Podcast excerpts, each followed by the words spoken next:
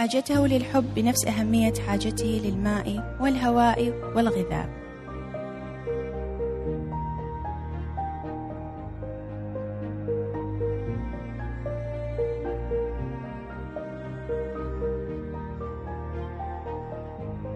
معكم ابتسام الوردي وأقدم لكم بودكاست وعي وتربية.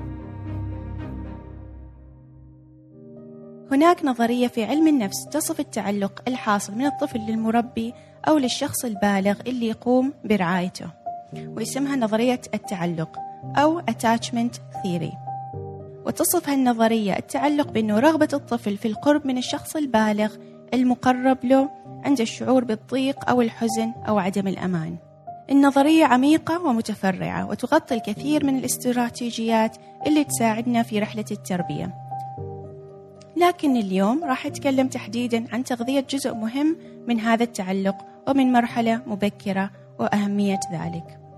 هل كنتوا تعرفوا أن افتقاد الطفل للمسة الحانية في سنوات عمره الأولى له نتائج قاسية عليه لاحقا؟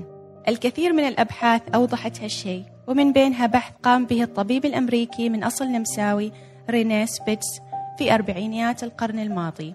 هذا البحث كان بين مجموعة أطفال تربوا في مستشفيات وكانوا بصحة ممتازة بداية. لكن لم يكن هناك شخص بالغ معهم. يمنحهم الحب واللمسة الحانية وقارنهم مع مجموعة أطفال كانوا مع أمهاتهم السجينات في بيئة السجن ولمختلف الأسباب. المجموعة الثانية وبالرغم من الظرف الصعب اللي كانوا فيه كبروا بصحة وتعلموا المشي والكلام بوقت مناسب. بينما مات 37% من أطفال المجموعة الأولى وتأخر البقية عن المشي واكتساب القدرات بشكل عام. عانت المجموعة الأولى من سوء التغذية.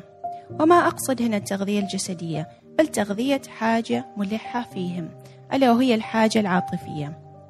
إذا حاجة الطفل للحب اللي يترجم بلمسة حانية واحتضان والقرب الجسدي والحوار من شخص متواجد بشكل متواصل كحاجته للهواء والماء والطعام تماما.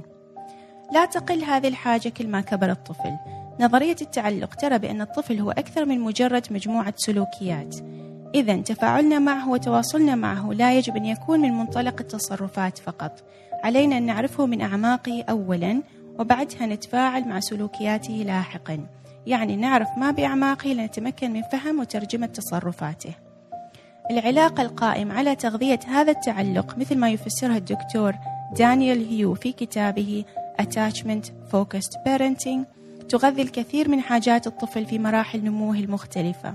فهي تغذي حاجات مثل النمو الجسدي والتنظيم العاطفي والاعتماد على الذات والمهارات الاجتماعية وتطور مشاعر التعاطف فيه والنمو الذهني واللغة ومهارات الحوار وحب الذات.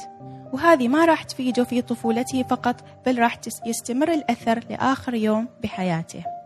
الطفل الصغير اللي يفتقد للمسة الحانية والحضن الدافئ يتطور عنده ما يعرف بالتعلق بلا تمييز أو indiscriminate attachment.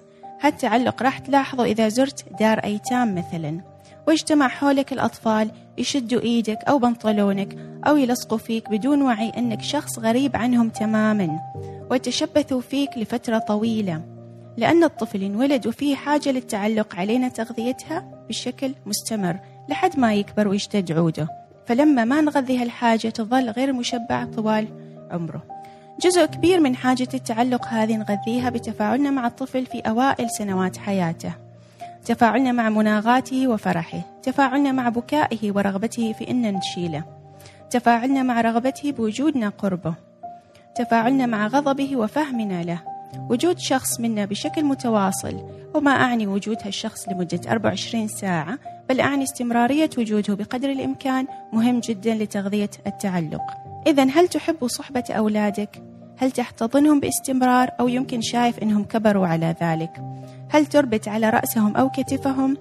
من فوائد هذه اللمسات الطيبة هو أنك راح تزرع فيهم الشعور بالأمان وتطور ثقتهم بأنفسهم وتخيل أنهم راح يكونوا أذكى وسلوكهم أكثر تهذيبا. وراح يكبروا مناعتهم أقوى وقدرتهم على التعاطف مع الغير أكبر وقدرتهم على تكوين علاقات صحية أكبر. وبالطبع راح يكونوا أكثر تعاونا معك. تخيل حجم التأثير الإيجابي اللي راح يتحقق من شيء بسيط يمكن تمارسه بسهولة ويمكن تخليه ضمن روتينك اليومي معهم. فمثل ما نعمل بجهد على توفير الرعاية من مأكل وملبس وتعليم لهم من حقهم علينا نترجم حبنا لهم أفعالا تغذي صحتهم الجسدية والنفسية بسلوكيات بسيطة لكن أثرها أكبر مما نتخيل.